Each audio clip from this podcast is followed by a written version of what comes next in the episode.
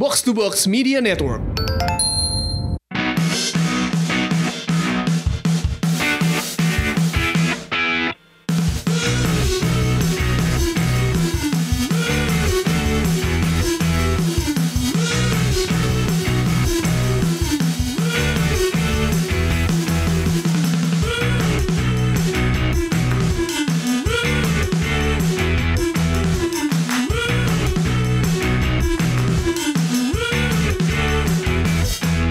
Hai guys, I'm back hari ini um, episode ke 40 something box to box dan um, kebetulan gue hari ini sendiri karena kita harus uh, konsisten dua kali seminggu.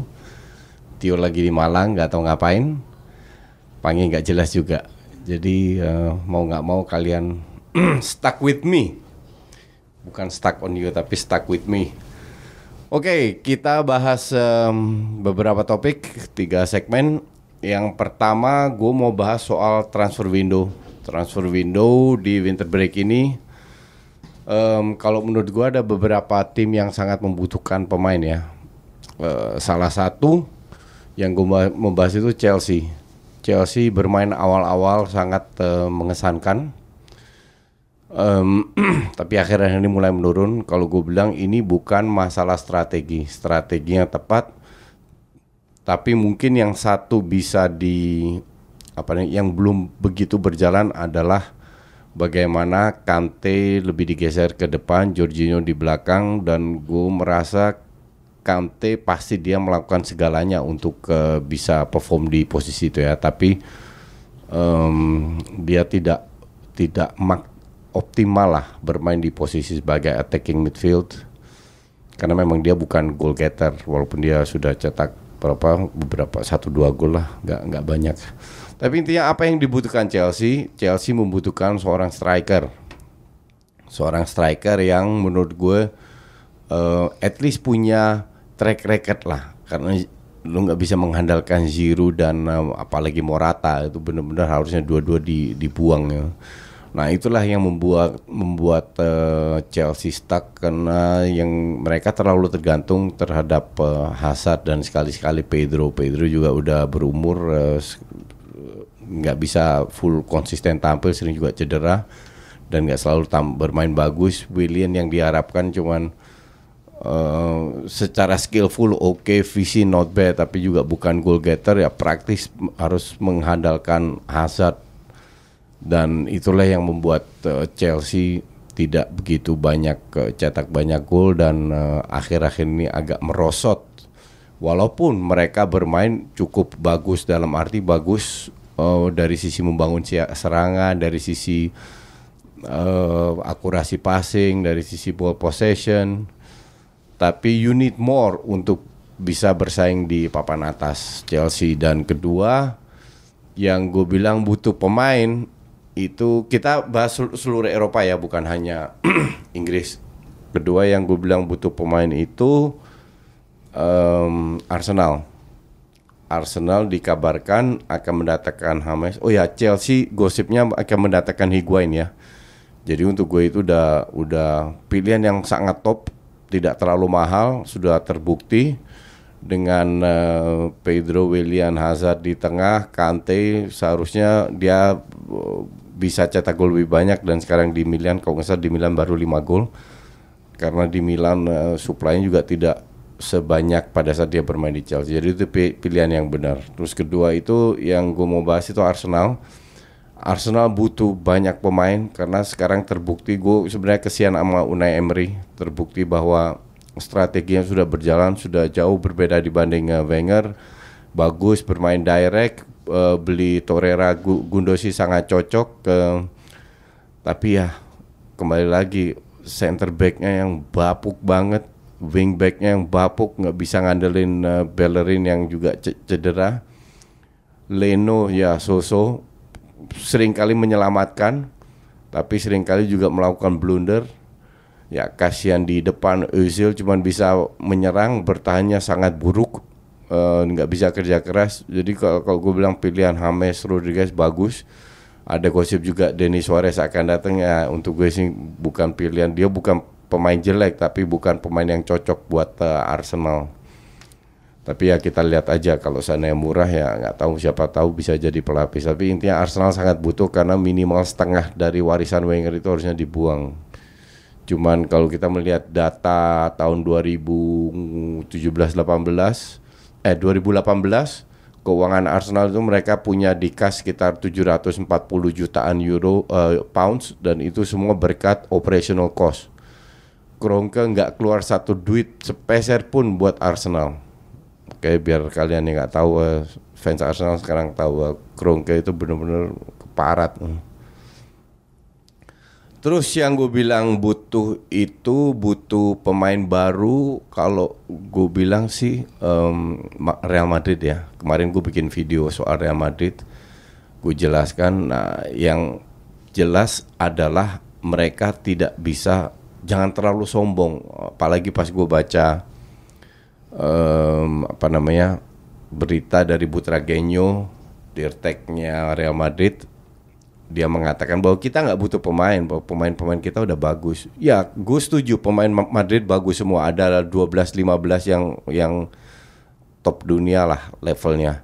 Tapi jangan salah sekarang pada saat dilanda cedera mereka masih bersaing di Copa del Rey di di UCL dan uh, uh, La Liga. Mereka harus berjuang keras karena untuk masuk empat besar pun tidak segampang musim-musim sebelumnya. Dan kita juga tahu bahwa Madrid sekarang kayaknya kayaknya pemainnya agak malas-malasan main kinerja antara Solari dan pemain depan masih ya masih belum terlalu optimal. Kemarin menang lawan Leganes 3-0 uh, setengahnya pemain muda. Nah, pemain muda selalu ingin membuktikan bahwa dia dia uh, layak untuk diberi kesempatan bermain menjadi starting line up. Cuma jadi masalah kan sekarang apakah mereka bisa uh, mengangkat performa Madrid di tiga kompetisi yang sambil berjalan. Kalau gue bilang tidak, mereka butuh dua, tiga bahkan tiga pemain senior yang bisa langsung tune in. Um, satu di belakang, satu di, di tengah dan satu di di depan. Tapi ya, gue nggak ngerti juga Solari mau gimana kalau lu udah punya pemain sekaliber Isco tapi jarang dimainkan. Kemarin kebetulan dia bermain ya bukan karena dia suka Isco teman karena lagi banyak cedera aja. Dan uh, Real Madrid terlalu banyak pemain muda yang nggak fair juga untuk membe membebankan uh, mereka agar tiap minggu bisa perform. Vinicius pemain yang luar biasa lawan Sociedad main bagus banget uh, man of the match dari Madrid uh, kemarin lawan Leganes dia cetak gol bagus volley dan selalu berbahaya tapi kinerja antar Vinicius dan dan Benzema ini masih karatan uh, dalam dua match terakhir yang yang gue lihat ya. Jadi gue bilang nggak fair juga ini pemain baru 18 tahun butuh waktu lah nggak nggak nggak bisa um, memikul beban yang ditinggalkan oleh Ronaldo. Jadi intinya Real Madrid butuh pemain baru asupan agar mereka bisa bersaing uh, di papan atas. Atau at least harus masuk empat besar lah. Terus uh, tim seperti apa ya MU sudah ada City sudah apa kalau gue bilang sih Spurs ya. Spurs uh, bermain secara strategi one of the best mungkin the best dengan City. Tapi ya gitu uh, mereka tidak membeli pemain sama sekali. Pada saat ada beberapa cedera seperti sekarang ya penampilan mereka tidak konsisten. Bahkan gue bilang mungkin gue mau bikin video soal Spurs lawan MU ya gue bilang masih banyak celah yang bisa dimanfaatkan oleh MU uh, eh, memenangkan ini. Dan gue kalau jadi Pochettino frustrasi juga. Uh, lu bermain bagus menang tapi tidak konsisten. Terlalu ngandelin uh, Son Dela Ali sama Kane. Sementara yang lain ya ya so-so. Apalagi kiper. Spurs butuh kiper yang bagus. Kalau gue bilang Spurs harus beli Jan Oblak. Jan Oblak itu prestasi yang luar biasa atau at least beli kiper uh, level dunia lah bisa dibilang seperti itu.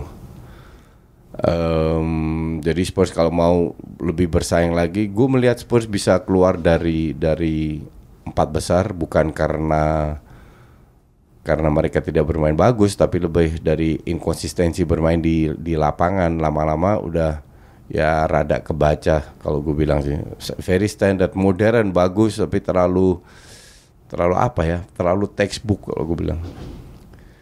Terus apalagi di Itali di liga-liga lain siapa yang butuh um, ya gosipnya gosip terbaru Frankie De Jong mau pindah ke Barca Rabiot sudah pindah. Ya untuk gue ini kalau gue bilang sih ini gosip banget. Tapi kalau sebenar dibeli gue agak bingung nih. Barca isinya ada Rabiot sudah datang ntar Frankie De Jong Summer ada Busquets Vidal Rakitic Arthur gue nggak ngerti manajemen Barca ini maunya apa. Eh, minimal dua harus dibuang Busquets sama Vidal kalau bisa. Biar Rakitic atau Frankie bisa menjadi uh, eh, DM di di tengah. Kalau gue bilang seklub lagi yang benar-benar butuh butuh pembelian itu uh, di Serie A. Di Serie A terutama AC Milan ya. AC Milan ini uh, tidak hanya butuh pemain baru tapi juga pelatih baru. Karena tim yang besar yang memiliki sejarah luar biasa di bawah Berlusconi benar-benar sekarang terseok-seok. Dan bukan karena pelatih jelek aja tapi juga karena manajemen yang yang gue bilang tidak kompeten. Mereka mendatangkan tiga mantan pemain Milan sendiri uh, Sedorov, Inzaghi sama sekarang Gattuso dan na nampaknya mereka mengambil tiga pemain itu bukan karena punya track record melatih bagus atau bukan punya filosofi bagus tapi lebih karena mantan pemain aja. Kalau kita lihat berapa dua tahun yang lalu kalau nggak salah beri pemain 200 12 13 pemain 200 juta yang yang sisa cuma 3 4 pemain dan pemain-pemainnya ya pemain lumayan bagus tapi bukan top apalagi sekarang uh, Juve ya bisa dibilang unbeatable. Semua sebenarnya semua tim Italia itu harus belajar dari Juve melihat apa yang dilakukan Juve. Dia beli contoh Emre Can for free gratis. Nah, sering kali dia mereka beli uh, pemain gratis tapi yang yang sudah bagus yang yang sudah terbukti dan hampir semua pemain yang masuk ke Juventus performanya selalu meningkat.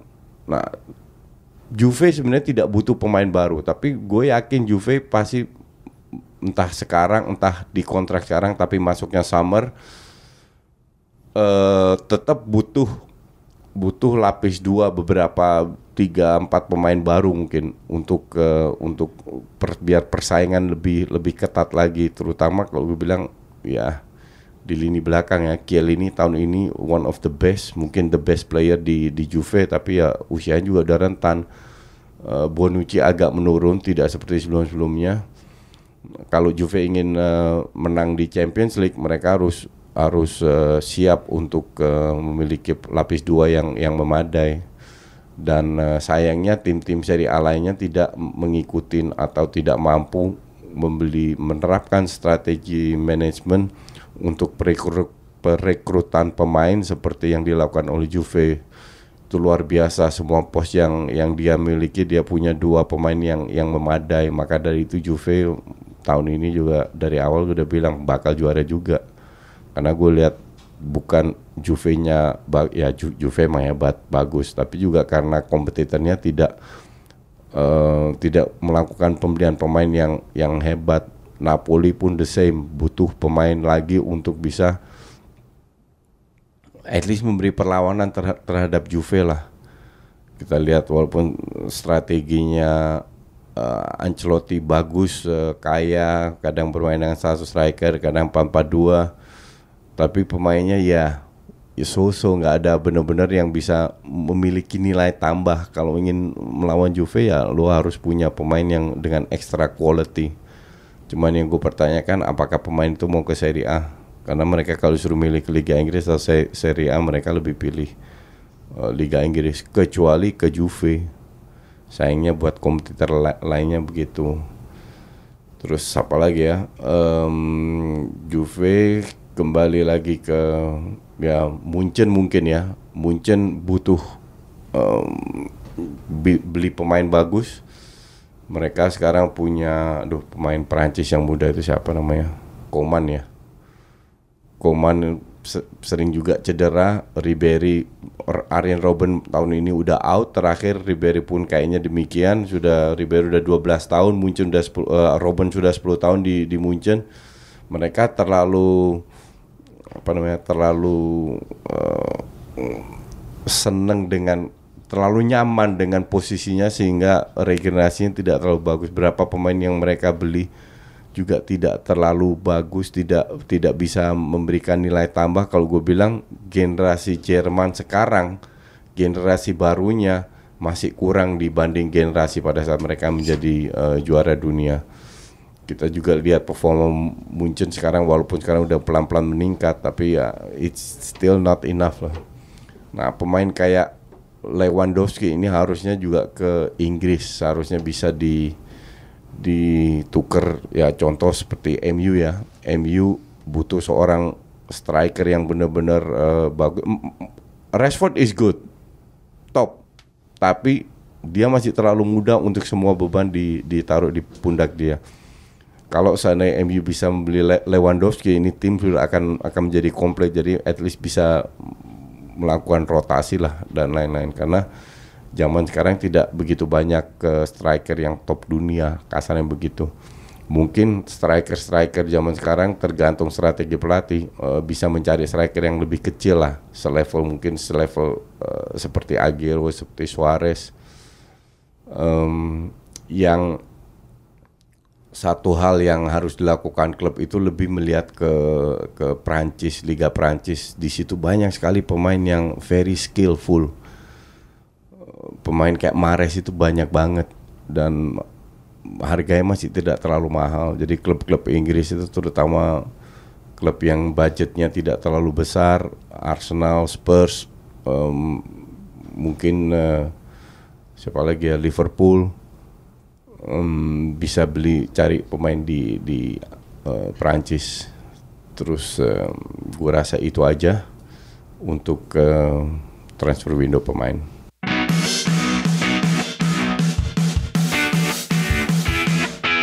Ya sekarang um, di segmen 2 gue mau bahas soal um, Piala Asia. Jadi kita selalu bahas topik-topik yang lagi hot, lagi on fire Um, salah satu pertanyaan yang ditanyakan um, adalah kenapa Asia susah sekali bersaing dengan Eropa.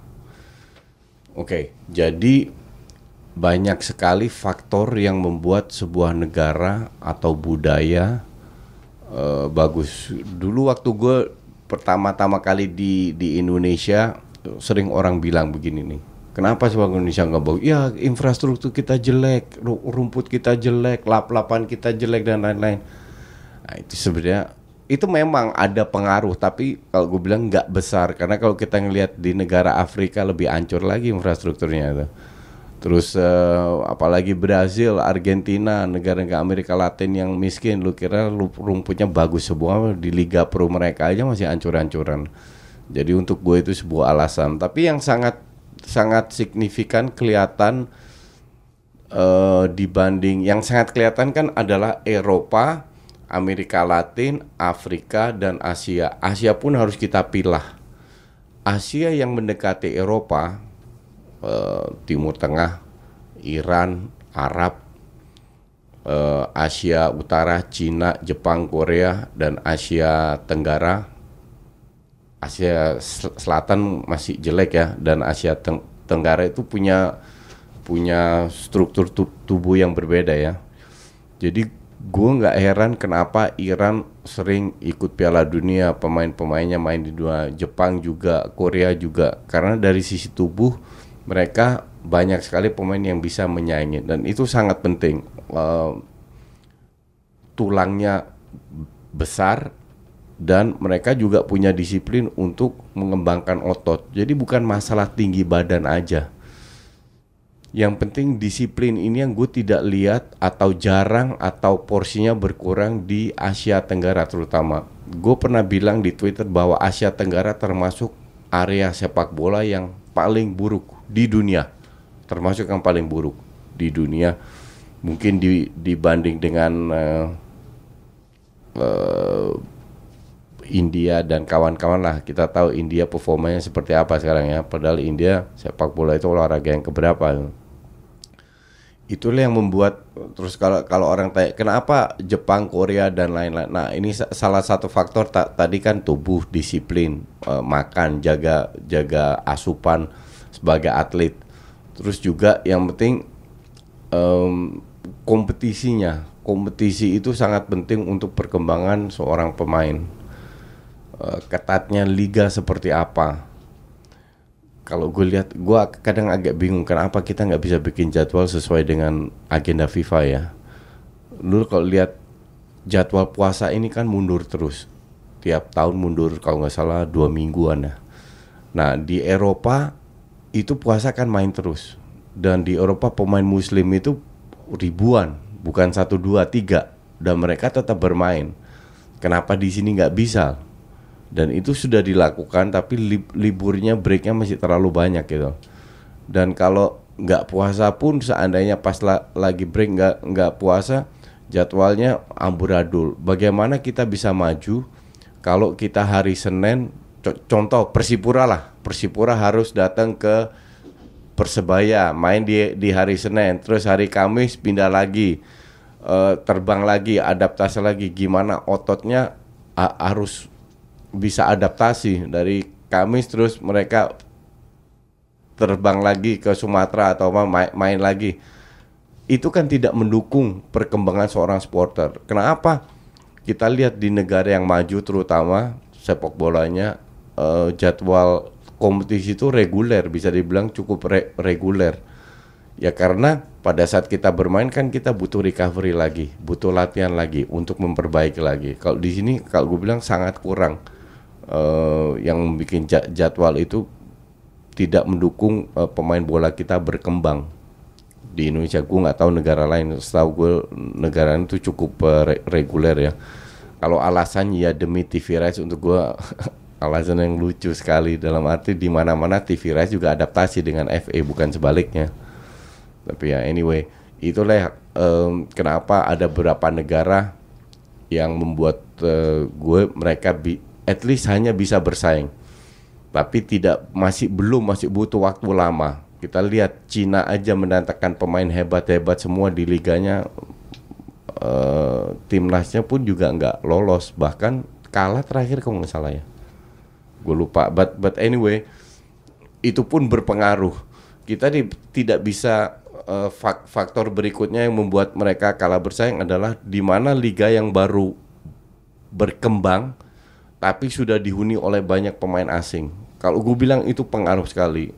Jadi kalau alasan ya Liga Inggris, Liga ini uh, Italia, Spanyol pemain asingnya juga banyak. Itu alasan goblok ya. Karena mereka di sana sangat bisa bahkan lebih bagus daripada pemain asingnya. Di kita kan enggak. Di kita bukan kita aja, di kita di Thailand, di Malaysia kualitas pemain asing yang bermain itu jauh di atas rata-rata pemain lokal. Jadi maka dari itu posisi poros di di tim ut utama uh, striker, uh, playmaker, DM dan center back kan rata-rata itu pemain asing. Pada saat semua tim dihuni oleh pemain asing, bagaimana kita bisa mendapatkan striker, eh, DM dan lain-lainnya bisa lebih banyak untuk timnasnya dan itu terjadi di Eropa, di sorry di Asia Tenggara. Itu yang membuat timnas Asia Tenggara pun juga agak agak menurun jadi kalau bilang orang bilang uh, Thailand hebat ya hebat. hebat dari mana? Masuk empat besar Asia aja baru sekali tahun 72, sisanya jeblok. AFC itu kan punya 46 member. Dari 46 member yang bisa bersaing dengan Eropa jatah ikut piala, piala dunia itu kan cuma berapa empat kalau nggak salah. Tapi yang bisa bersaing let's say cuma 68. Nah, uh, sisanya gue nggak yakin mereka bisa bersaing atau tidak mau bersaing. Kalau kalau kalau gue bilang tidak ingin untuk benar-benar maju secara profesional dengan banyak cara. Ya sal salah satu yang gue sebut tadi terlalu banyak pemain asing di liga yang belum develop. Kalau liganya develop kayak Jepang Korea pemain asing nggak masalah. Karena rata-rata pemain mereka pun banyak yang main di Eropa dan pemain Jepang aslinya uh, perbedaan kualitas sama pemain luarnya se sangat sedikit. Tapi kalau di liga yang lagi berkembang perbedaan kualitasnya dengan pemain luar terlalu tinggi, saya gua, gua rasa itu hal yang yang apa yang jelek ya, yang tidak membuat timnas berkembang. Terus uh, tadi ada gue udah bahas uh, kompetisinya yang jadwal nggak jelas, yang uh, tidak memberikan pemain cukup istirahat, terus uh, uh, asupan. Jadi sudah tiga faktor gue berikan. Yang faktor keempat itu adalah kalau di Indonesia yang gue lihat ya, tuh cara ngelatih. Um, gue pernah bicara, gue punya beberapa temen timnas profesional. Ini gue pernah gue nggak nggak nggak usah sebut namanya. Mereka mantan pemain timnas, temen gue yang cukup deket. Mereka keluar negeri, terus mereka cerita, mereka lihat dengan timnas mereka keluar, mereka lihat anak-anak kecil di, gue lupa di mana waktu itu, di Amerika Latin atau di di Eropa. Dari, dari kecil itu sudah diasah teknik dasarnya. Mereka bilang kita nggak pernah mendapatkan seperti hal seperti itu. Jadi ini sangat penting untuk perkembangan kualitas uh, pemain sepak bola kita bahwa anak-anak kecil itu harus dilatih dengan benar, bukan hanya menang dan cetak gol. Kalau gue lihat di sini dan itu gue alami sebagai pelatih timnas futsal lima tahun di futsal pun be, be, begitu banyak sekali gue dapat tawaran, eh coach ini pemain hebat, ini pemain bagus ya elah, cuman bisa gue cek satu orang habis itu blank, visinya hilang. Justru yang harus di luar negeri, di Eropa, Eropa Barat terutama yang difokuskan itu adalah teknik dasar. Mereka benar-benar di drill dengan passing control, passing control, long ball, passing jarak dekat, jarak jauh, akurasi, passing sambil aktif, sam sambil itu benar-benar di drill dari kecil. Dan itu yang membuat mereka uh, lebih cepat berkembangnya daripada pemain kita. Kalau soal bakat, gue yakin kita tidak kalah. Kenapa gue berani bilang begitu? Karena di Belanda contoh banyak sekali pemain keturunan Ambon, bukan Indo, bukan yang ada berdarah Belanda ya. Seperti Lili Pali itu kan setengah Belanda, setengah Indonesia atau Mike Timo, tapi yang benar-benar murni Indonesia itu banyak banget yang menjadi prof profesional dari dulu zaman gue. Dari zaman Simon Tamata kalau tahu. Tahun 79, 78, 79 itu Ambon asli dan kalau kita bicara pemain Ambon asli kan di kita stoknya banyak banget makanya ka kalian tahu Tuleho kan? Gue dengar cerita dari Imran salah satu Tuleho yang pulau kecil itu begitu banyak melahirkan pemain profesional. Artinya kalau di Tuleho bisa kan di daerah-daerah lain harusnya bisa. Dan di di situ kan bakatnya luar biasa. Tapi kenapa pemain-pemain ini nggak bisa berkembang ke level top Asia lah? Ya karena itu bukan salah pemainnya. Kalau kita punya bakat tidak bisa kita kembangkan dengan cara yang benar. Ya yang yang salah ya ya klubnya, infrastrukturnya. Itu sudah pernah gue bahas di video gue soal bagaimana merubah segalanya, segala infrastruktur masukan buat PSSI. Eh, cara melatih dan dan lain-lain. Oke, jadi itulah ada empat alasan yang gue sebut masalah fisik pemain, masalah jadwal, masalah pemain luar, uh, masalah uh, cara melatih, cara pembinaan yang buruk itulah membuat uh, timnas di Asia sangat sulit berkembang terutama dari negara-negara yang ba baru berkembang sulit berkembang di uh, level dunia.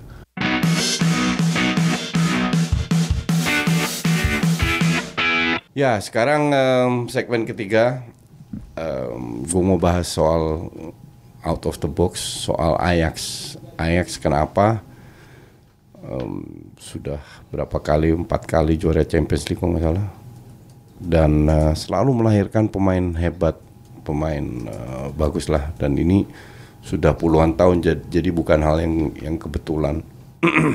Oke. Okay. Sekarang yang lagi on fire itu kan Matthijs de Ligt 19 tahun yang harganya di estimate sekitar 75 juta dan juga Frankie De Jong yang gosipnya kalau nggak ke PSG di ke Barca yang harga 17 juta. Frankie De Jong itu tiga tahun yang lalu dibeli dari Willem II dengan harga uh, aduh satu dua juta nggak salah. Terus Delik itu dari dari Ajax murni youthnya Ajax. Kena bagaimana Ajax bisa mendapatkan uh, begitu banyak pemain? Jadi scoutingnya Ajax itu luar biasa banyaknya di seluruh Belanda. Kalau kalian tahu banyak sekali dari pemain lahir di Utrecht, Van Basten, Jan Wouters, uh, you name it lah, puluhan pemain yang bermain di SSB di Utrecht tapi mereka tidak ke Utrecht, mereka ke Ajax. Karena scoutingnya dari umur 6-7 tahun itu sudah berkeliaran semua di di semua SSB. Jadi mereka melakukan scouting di seluruh Belanda dan itu banyak banget dan mungkin dari 100 pemain yang lolos ke tim utama itu mungkin ada satu dua. Jadi uh, seleksinya itu sangat ketat dan bahkan pemain muda dari youthnya yang yang tidak bisa tembus di tim utama hanya menjadi cadangan yang bisa dibilang mereka dapat gratisan itu mereka jual. Nah kalau dari sisi ticketing merchandising kan mereka tidak bisa survive karena ticketing tidak terlalu mahal dan setiap match itu yang datang Ajax paling berapa ya 30-40 ribu adalah uh, segitu tiketnya nggak semahal kayak di Inggris merchandising nggak terlalu banyak. Untuk TV rights, TV rights liga di Belanda itu satu liga ya, bukan ke satu liga itu sekitar 75 juta euro dibanding uh, Inggris yang paling eh, nomor 20 kalau uh, mereka degradasi itu dapat sekitar seratusan juta euro, 100 lebih. Jadi satu liga pun kalah dengan ranking 20 di Inggris. Jadi dari sisi itu mereka pun nggak bisa survive. Mereka tiap tahun itu harus menjual pemain. Ini ini contoh paling be, paling paling baru lah. The ini pasti pergi. Ada tiga pemain uh, Ajax mungkin empat itu pasti pergi. The De Jong, Hakim Ziyech sama David Neres. Neres itu udah diincar uh, sama kalau kalau nggak salah AS Roma. Eh di diincar Cina, klub Cina mereka sekarang untuk sekarang mereka masih mempertimbangkan melepas Neres atau tidak. Um, direktur teknisnya itu yang bertanggung jawab itu Mark Overmars di Ajax. Mark Overmars itu sudah menghasilkan sekitar berapa 100 juta lebih lah dari jual-jual pemain itu. Dan kalau seandainya Delik di Jong dijual itu ya itu, itu 150 juta. Hakim Ziyech gue rasa somewhere di 40 50 jutaan Terus Neres mungkin di 20 jutaan, 25 juta itu pun sudah sekitar ya 200 lebih ya yang yang yang bisa menghasilkan. Untuk Delik mereka sudah meng mengkontrak pemain dari Bo Boca Juniors uh, Magalen itu harganya 8 juta. Nah, hal seperti ini itu yang puluhan tahun dilakukan Ajax dan dilakukan oleh semua klub PSV dan lain-lain. Mereka bisa merekrut pemain bagus dan murah dijual dengan mahal. Bahkan klub kecil seperti FC Utrecht, klub gue, itu tiap tahun menjual ya mungkin 5 sampai 12 pemain ya.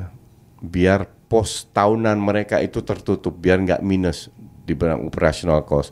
Dan itu sudah di, dilakukan semua klub di di Belanda. Makanya untuk pemain muda uh, Stoichkov terakhir menyarankan pemain Meksiko untuk bermain di Ajax karena pemain muda kalau bagus pasti bisa menjadi starting line up biar mereka tambah bisa dijual. Cuman yang jadi masalah ya performa Ajax sekarang di UCL kan lumayan bisa lolos. Cuman itu kan nggak tiap tahun bahkan akhir-akhir 10 tahun terakhir itu jarang baru sekali dua kali ter terjadi.